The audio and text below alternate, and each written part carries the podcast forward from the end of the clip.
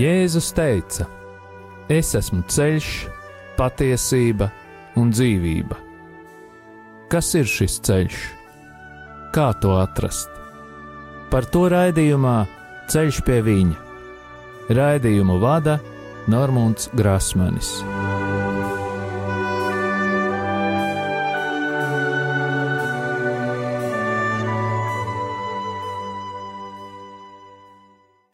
Lai ir slavēts Jēzus Kristus. Atkal ir piekdiena, un radio Marija ēterā izskan raidījums Ceļš pie viņa. Pie radio pults esmu es, Normons Grasmanis. Vēlos atgādināt, ka raidījuma e-pasta adrese ir ceļš pie viņa at gmail.com.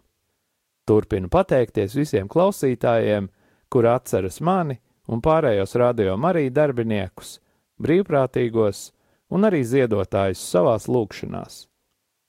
Vēlos pateikties katram klausītājam, kurš ar savām lūkšanām un finansiālo ziedojumu atbalsta radio Mariju skanējumu ēterā lai Dievs jūs bagātīgi svētī, un arī katru atbalstītāju, un visus mūsu kopumā. Un tagad, kā jau ierasti, lūgsim aizsardzības lūgšanu par rādījumu arī darbiniekiem un brīvprātīgajiem, par katru klausītāju un mūsu ģimenes locekļiem. Jēzus Kristus vārdā mēs pārņemam autoritāti par savu ģimeni un sasaistām visus ļaunos spēkus un varas gaisā, telpā, zemē, ūdenī, pazemē, dabā un ugunī. Dievs, tu esi kungs pāri visam visumam, un mēs atdodam tev slavu un godu par tavu radību. Tavā vārdā, Kungs, Jēzu Kristu mēs sasaistām visus demoniskos spēkus, kas ir nākuši pār mums un mūsu ģimenēm, un ieslēdzam mūs visus tavu dārgo asiņu aizsardzībā, kas mūsu dēļ tika izlietas pie krusta. Marija, mūsu māte, mēs lūdzam tavu aizsardzību un aizbildniecību pār mums un mūsu ģimenēm ar svēto Jēzus sirdi ietin mūsu savas mīlestības apmetnī un sakauj mūsu ienaidnieku. Svētais arcēnģeli Mihēlu un visi mūsu sargaņģeļi, nāciet aizsargāt mūsu un mūsu ģimenes šajā cīņā pret visu ļauno, kas ir šajā pasaulē. Jēzus Kristus vārdā un caur viņa dārgajām asinīm mēs sasaistām visas ļaunuma varas un pavēlam tām atkāpties šajā brīdī no mums, mūsu mājām un mūsu zemes. Mēs pateicamies Tev, Kungs, Jēzu, jo Tu esi taisnīgs un līdzjūtīgs Dievs. Āmen! Jēzus Kristus vārdā un Viņa krusta un Viņa izlieto asiņu spēkā mēs sasaistām jebkura ļaunuma varas spēku garus un pavēlam tiem, lai tie nebloķē mūsu lūgšanas Mēs salaužam jebkurus lāstus, burvestības, kas ir vērsti pret mums, padarot tos tukšus un bezspēcīgus. Mēs salaužam jebkuru uzdevumu, kas ir dots jebkādiem gariem, kas vērsti pret mums, un sūtām viņus pie Jēzus, lai viņš dara ar tiem, ko vien vēlas.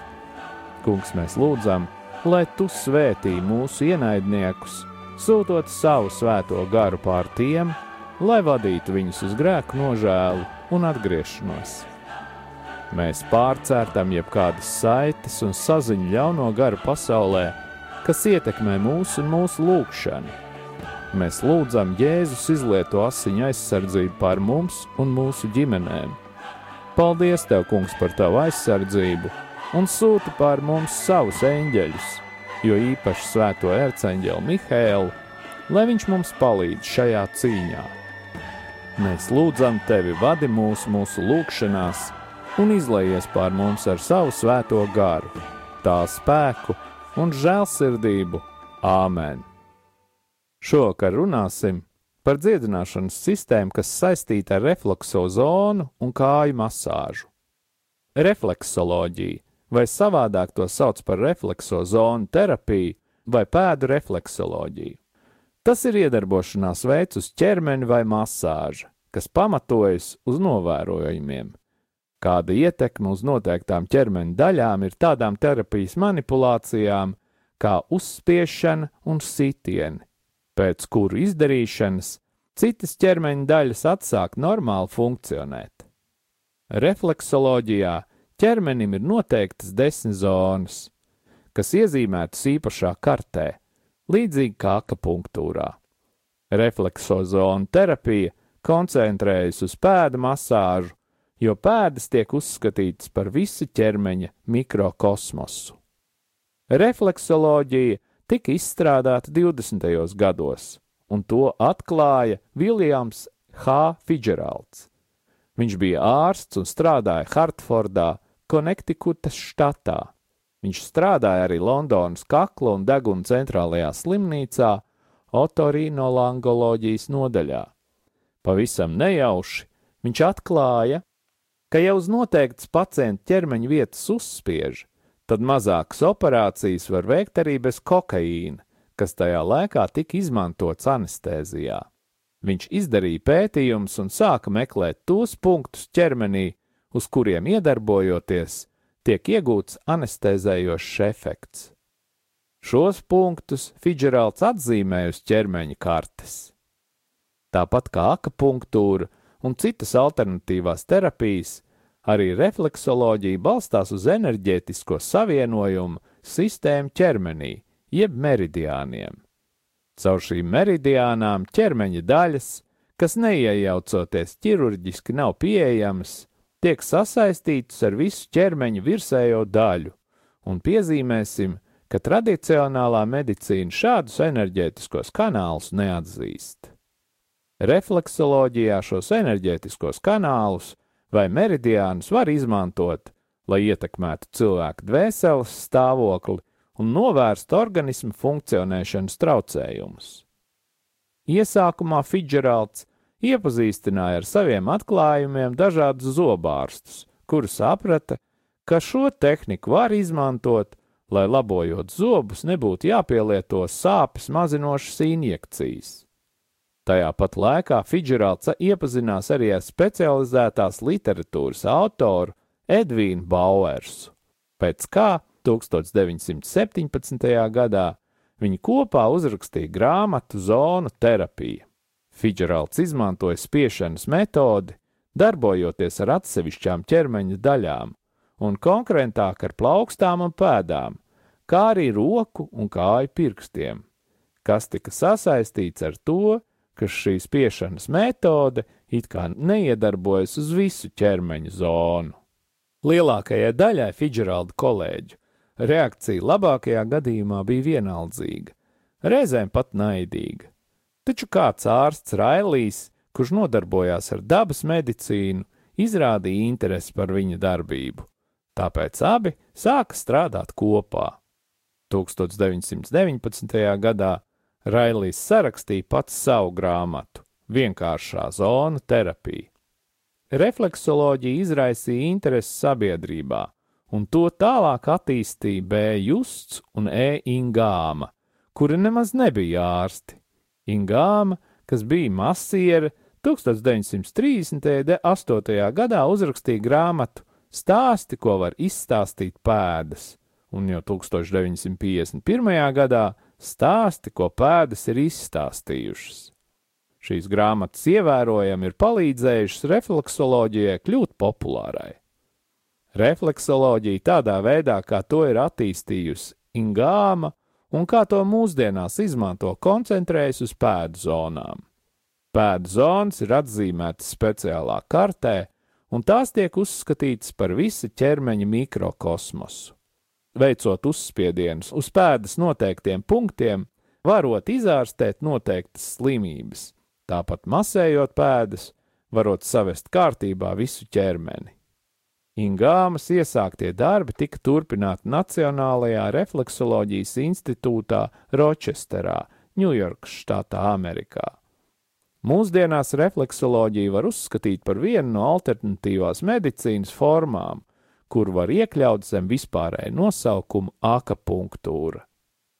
Refleksoloģijas izplatīšanās ir atbalstījušas holistiskā dabas medicīnas kustība vai naturopātija un kustība par veselīgu dzīvesveidu.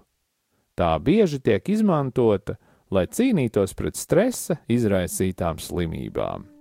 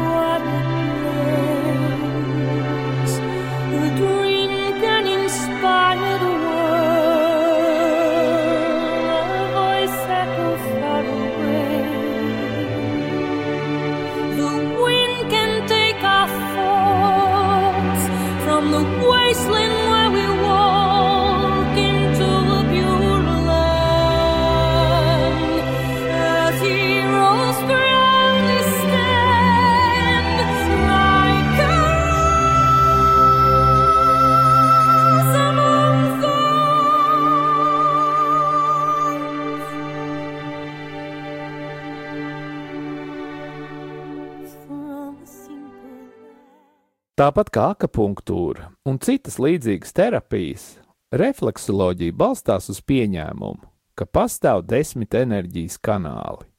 Katrs no šiem kanāliem ir atbildīgs par orgāniem, kas atrodas kādā no ķermeņa zonām. Iztaustot pacienta pēdas, var saprast, kurš no kanāliem ir bloķēts, un ar masāžu palīdzību mēģināt atjaunot enerģijas plūsmu. Enerģijas plūsmai būtu jāatjauno orgānu funkcijas darbību. Jau vēlāk tas tika pamatots ar esošo pieredzi un zināšanām, ar filozofisku jēdzienu palīdzību, kas ir ļoti līdzīga daoismā. Nav šaubu, ka plaukstu un pēdu masāža kopumā ir relaksējoša un spēku atjaunojoša. Tai varētu būt arī stimulējošs efekts uz atsevišķu ķermeņa daļu dziedināšanu. Tomēr tādā gadījumā tas visticamāk būtu jānozīmē, lai stimulētu asinsrites funkcijas. Līdzīgu efektu rada pastaigas vai skraidīšana ar basām kājām, tāpat iemērcot kājas karstā vai augstā ūdens vannā. Kas attiecas uz refleksoloģiju, tāpat kā gandrīz visās alternatīvās terapijas metodēs, ir līdzīgas briesmas. Visiem kristiešiem ir jāapzinās, ka neviena no tālo austrumu filozofiskās domāšanas balstītajām terapijām nav zinātniski apstiprinātas. Taču cilvēki kļūdaini mēdz domāt, ka viss, kas balstās uz senajām zināšanām, ir pieņemami un pie noteiktiem apstākļiem pārsniedz klasiskās medicīnas zinātni. Vēl sliktāk ir tas, ka filozofiskā sistēma un tieši daoisms, kas tiek izmantots, lai skaidrotu refleksoloģijas darbību, tiek pielīdzināts kristīgām vērtībām un mācībai. Cilvēks salīdzinoši viegli pieņem prātojumus par to, ka visas reliģijas un filozofija aizved pie viena un tā paša iznākuma. Konkrētāk, ka to kopējais mērķis ir izskaidrot cilvēcisko pieredzi un zināšanas. Taču tas ir melīgs uzskats, jo jūdu un kristiešu zināšanas par attiecībām starp dievu un cilvēkiem, tās ir zināšanas, kuras saņemtas caur atklāsmi. Trīsvienības aspekts šajās zināšanās atrodas ārpus cilvēciskās iztēles. Savukārt citās reliģiskās sistēmās, un sevišķi daoismā, attīstās domāšanas sistēma, kas ietver sevī dabas parādību pretstatus. Kā piemēru varam minēt vīrišķais, sievišķais, ciets, mīksts, gaišs, tumšs, labs, ļauns. Uz šādiem pamatiem tiek balstīts uzskats par iedomātu enerģētisko apmaiņu, kā visumā, tā arī cilvēka ķermenī. Viss tiecas uz pozitīvās un negatīvās enerģijas savstarpējo līdzsvaru, un to savukārt ir iespējams regulēt it kā cilvēka ķermenī ar uzspiešanas un masāžas metodēm. Cilvēks tiekot pieņemts kā mikrokosmos, kas ir kā kopējā makrokosmosa atspulgs, kas savukārt atspoguļo visumu. Es vēlos vēl vienu reizi izcelt galveno šajā stāstā.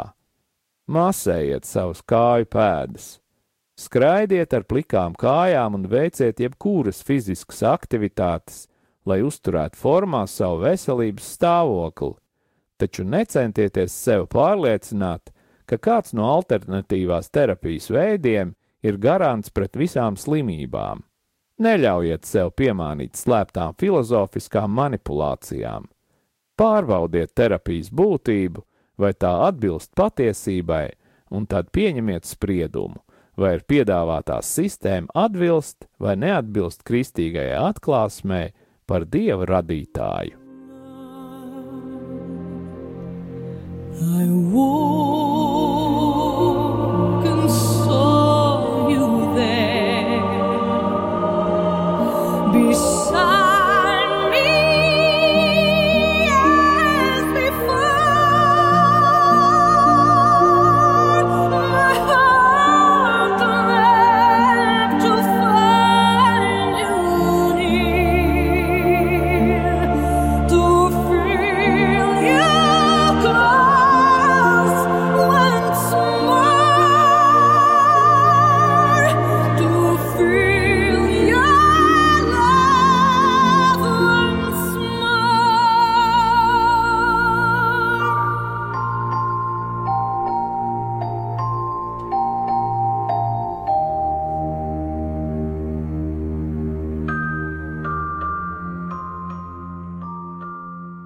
Tagad prom no maldiem. Tomislavs Ivančičs savas grāmatas Tikšanās ar dzīvo dievu pirmajā nodaļā raksta kādu liecību, kur vēlos nolasīt burtiski. Reiz pie kāda ievērojama rabīna ieradās jūdu jauneklis ar ziņu. Pilsētā dzirdamas valodas, kas esot ieradies apsolītais mesija. Rabīns piegāja pie loga, plaši atvēra to, palūkojās laukā uz ielu un sacīja: Nē, esi mierīgs, viņš vēl nav atnācis, jo cilvēki joprojām cits citam uzbrūk, joprojām nav pārkaluši zobenus lemešos, joprojām baidās no nāves un slimībām, un visi, kas tic, patiesībā netic. Vai nav skarbi vārdi, bet vērojoties apkārt, kas notiek ar cilvēkiem, ieskatoties salauztajos likteņos, ciešanās, konfliktos, un tas ir attiecināms ne tikai uz kariem, kas notiek pasaulē, bet arī uz tiem, kas redzami vai neredzami notiek ģimenēs. Rodas jautājums, vai tiešām pasaule ir atpestīta? Vai esam noticējuši tam, ka Jēzus, pasaules pestītājs, svētā gara spēkā vēl ar vien darbojas savā baznīcā? Kas mūsdienās ir atlicis no Jēzus labās vēsts? Kurš patiešām tic, ka Jēzus ir mūsu glābējs no nāves un grēkiem, no ciešanām un no ļaunā?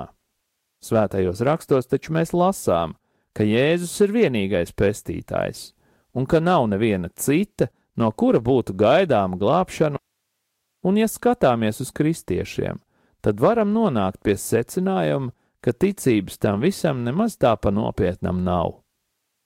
Mēsī patiešām ir atnācis. Tas ir Jēzus no Nāceretes. Viņš piepildīja visu, ko pravieši par viņu pravietoja. Apliecināja, ka viņam ir vara pār ļaunumu, slimībām, nāvi, grēkiem un dabu. Atnesa labo vēsti, kas attiecas uz visiem, un prasīja tikai vienu - lai cilvēks atgriežas un ietic viņam. Kurš pēc tam viņa, vārd, kurš pēc tam viņa vārdiem paklausīja, varēja darīt to pašu, ko darīja viņš. Tajos pašos apstuļu darbos mēs redzam, kā Pēters to pierāda darbībās, dziedinot un atbrīvojot. Visos vēstures posmos pēc Jēzus ir atrodama cerība, kur bija atnesis viņš, Jēzus. Mūsdienās iepriekš teiktais šķiet aizmirsts. Ir tāda sajūta, ka ticīgo sirdis būtu pārklātas ar pelniem un nomāktas ar tradīcijām. Daudziem varbūt ir radies iespējas, ka viss taču tāpat ir kārtībā. Bet vai tas tiešām tā ir? Pāvests Pāvils VI atzīst: Baznīca evanģelizācijas nesēja, sāk evanģelizēt pati sevi. Un evanģelizācija baznīcai nozīmē ienest labo vēsti visās cilvēka jomās, un tās iespējā pārvērst visu cilvēci no iekšpuses, tādējādi to atjaunojot. Vai paskatoties uz savām dzīvēm, mēs varam pateikt, ka mūsu attiecības ģimenē nes Kristu? Vai ka mūsu veselība ir kā dieva bērniem? Vai ka mūsu finansiālā situācija ir kā dieva svētīta, un mēs varam pār pārējiem dot no tā, kas paliek pāri? Un ne jau veselībā kā tādā ir šis jautājums. Un, protams, ka ne jau nauda ir noteicošais. Bet, ja mēs patiešām dzīvotu dzīvā dieva pēnā, ja mēs patiešām darītu tās lietas, kuras Jēzus mums ir licis, tad visi kā mums būtu pietiekoši. Vai nav tā, ka liela daļa kristiešu ir cietēji, apbižotie, slīmie un staigā ar izstiept roku? Vai tad Jēzus mums skaidri neteica, ka viņš ir atnācis mūs atbrīvot no mūsu slimībām, atbrīvot no mūsu garīgās un arī fiziskās, tas ir redzamās nabadzības? Cik daudz kristiešu var uzlikt roku uz sirds un pateikt: Es maksāju desmito tiesu dievam.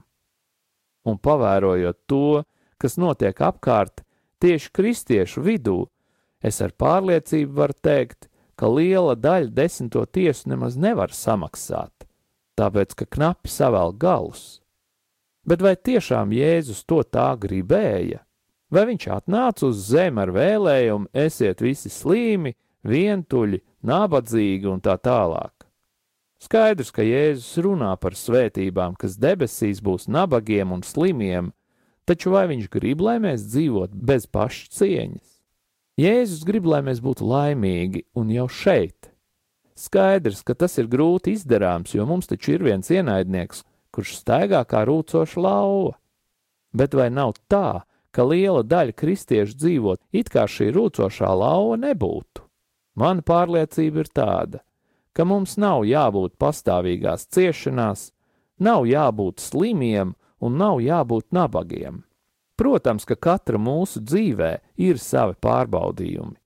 Mēs tiekam kausēti, pārveidoti, mīcīti, bet tas notiek, lai mēs attīrītos, lai mūsu sirdis tiktu pārveidotas, lai mēs gal galā ņemtu savu krustu un sekotu Jēzum, taču problēmas, kuras bieži vien pāri jebkurām robežām nospiež kristiešus pie zemes, nav norma, kurai obligāti ir jābūt.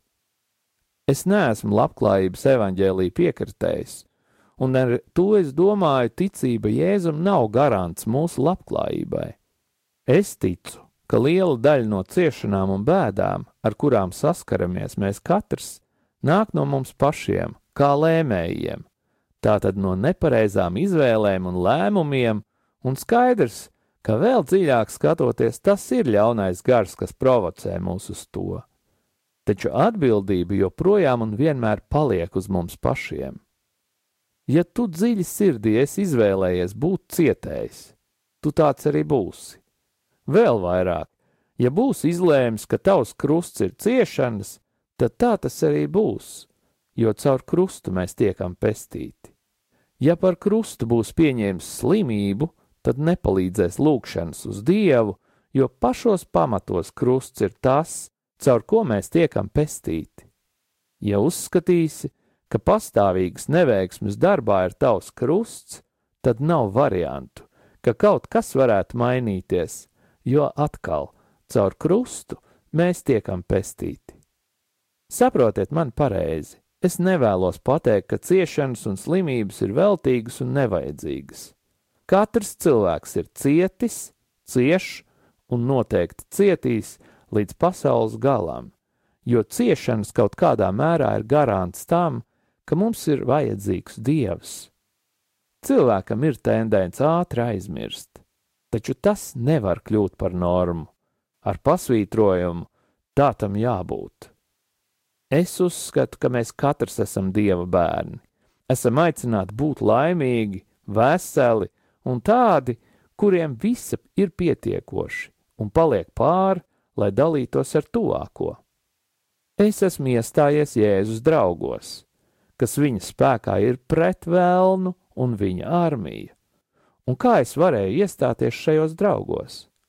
Vadoties no Jēzus vārdiem svētajos rakstos – jūs tagad esiet mani draugi. nožēlojot savus grēkus pirmkārt, tad uzņemoties autoritāti pār savas ģimenes sistēmu, nožēlojot grēkus, kuri varētu būt izdarīti no kāda cilvēka ģimenes sistēmā, sasaistot Jēzus vārdā ļauno un ļaunos garus, aizsūtot šos garus pie Jēzus, lai viņš dara ar tiem, ko vēlas, un tad ieaicināt Dievu manā ģimenes sistēmā, lai viņa kārtība iestājas, lai viņa valstība ienāk, un šīs darbības caur lūkšanu atjaunoja katru dienu.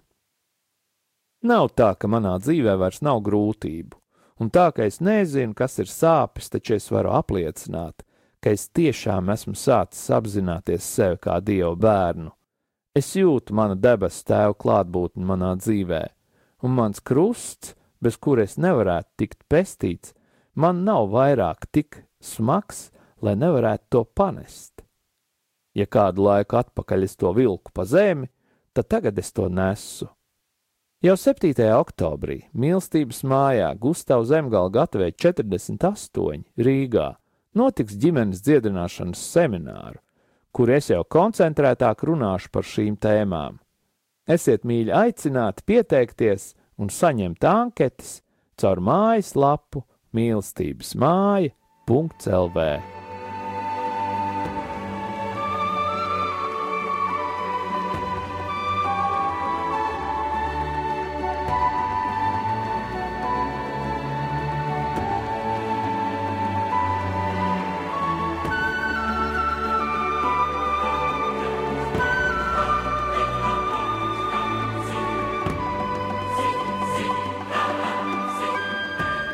tagad mēs iestājamies lūgšanā pret sātanu sistēmu un tās darbībām mūsu ģimenēs, jo mums katram ir dota autoritāte lūgt šīs lūgšanas mūsu ģimenes sistēmas vārdā. Kungs Jēzu Kristu, dzīvā Dieva dēls! Mēs pateicamies Tev par Tavu brīnišķīgo dziedināšanas un atbrīvošanas kalpošanu. Pateicamies par Tevis veikto dziedināšanu un arī par tām, kuras tu turpinās mūsu lūgšanu rezultātā. Mēs saprotam, ka mūsu cilvēciskā daba nespēja panest mūsu slimības un ļaunumu. Tādēļ lūdzu, attīri un šķīstī mūs no jebkādām skumjām, negativitātes, izmisuma, kuru mēs iespējams esam uzņēmuši. Ja mums ir bijis kārdinājums padoties dusmām, neiecietībai vai iekārai. Attīri mūs no šiem kārdinājumiem un aizstāj tos ar mīlestību, prieku un mieru.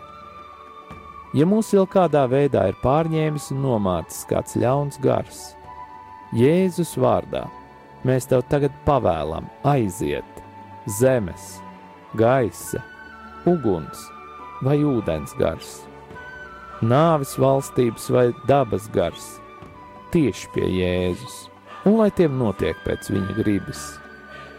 Nāc svētais gars, atjauno mūs, piepildi mūs atkal ar savu spēku, savu dzīvību un savu prieku. Stiprini mūs tur, kur jūtamies vāji, un apklāj mūs ar savu gaismu, piepildi mūs ar dzīvību. Marija, visu svētā māte, mūsu māte, Svētais erceņģeli Mihēl, mēs tev pateicamies par aizbildniecību. Kungs Jēzus lūdzu sūta savus svētos eņģeļus kalpot mums un mūsu ģimenēm, apsargāt un aizstāvēt mūs no visām slimībām, ievainojumiem un nelaimes gadījumiem. Lai mūsu ceļojumi ir droši, mēs tevi slavējam tagad un vienmēr, Tēvs, Dēls un Svētais Gars To visu mēs lūdzam Jēzus svētajā vārdā, lai tas tiek godināts Āmen. Un tagad saņemiet pāvesta Franciska svētību. Kungs Jēzus Kristus, lai ir pār mums, lai mūs svētītu, lai ir pie mums, lai mūs pavadītu, un lai ir ar jums un mums, lai mūs aizsargātu, lai mūs svētītu Dievs Tēvs, Dēls un Svētais Gars lai asins un ūdens, kas izplūd no Jēzus Kristus sirds, izplūst pār mums un lai šķīstī, atbrīvo un dziedina. saņemiet svēto garu. Dieva tēva, dēla un svētā gara vārdā - Āmen!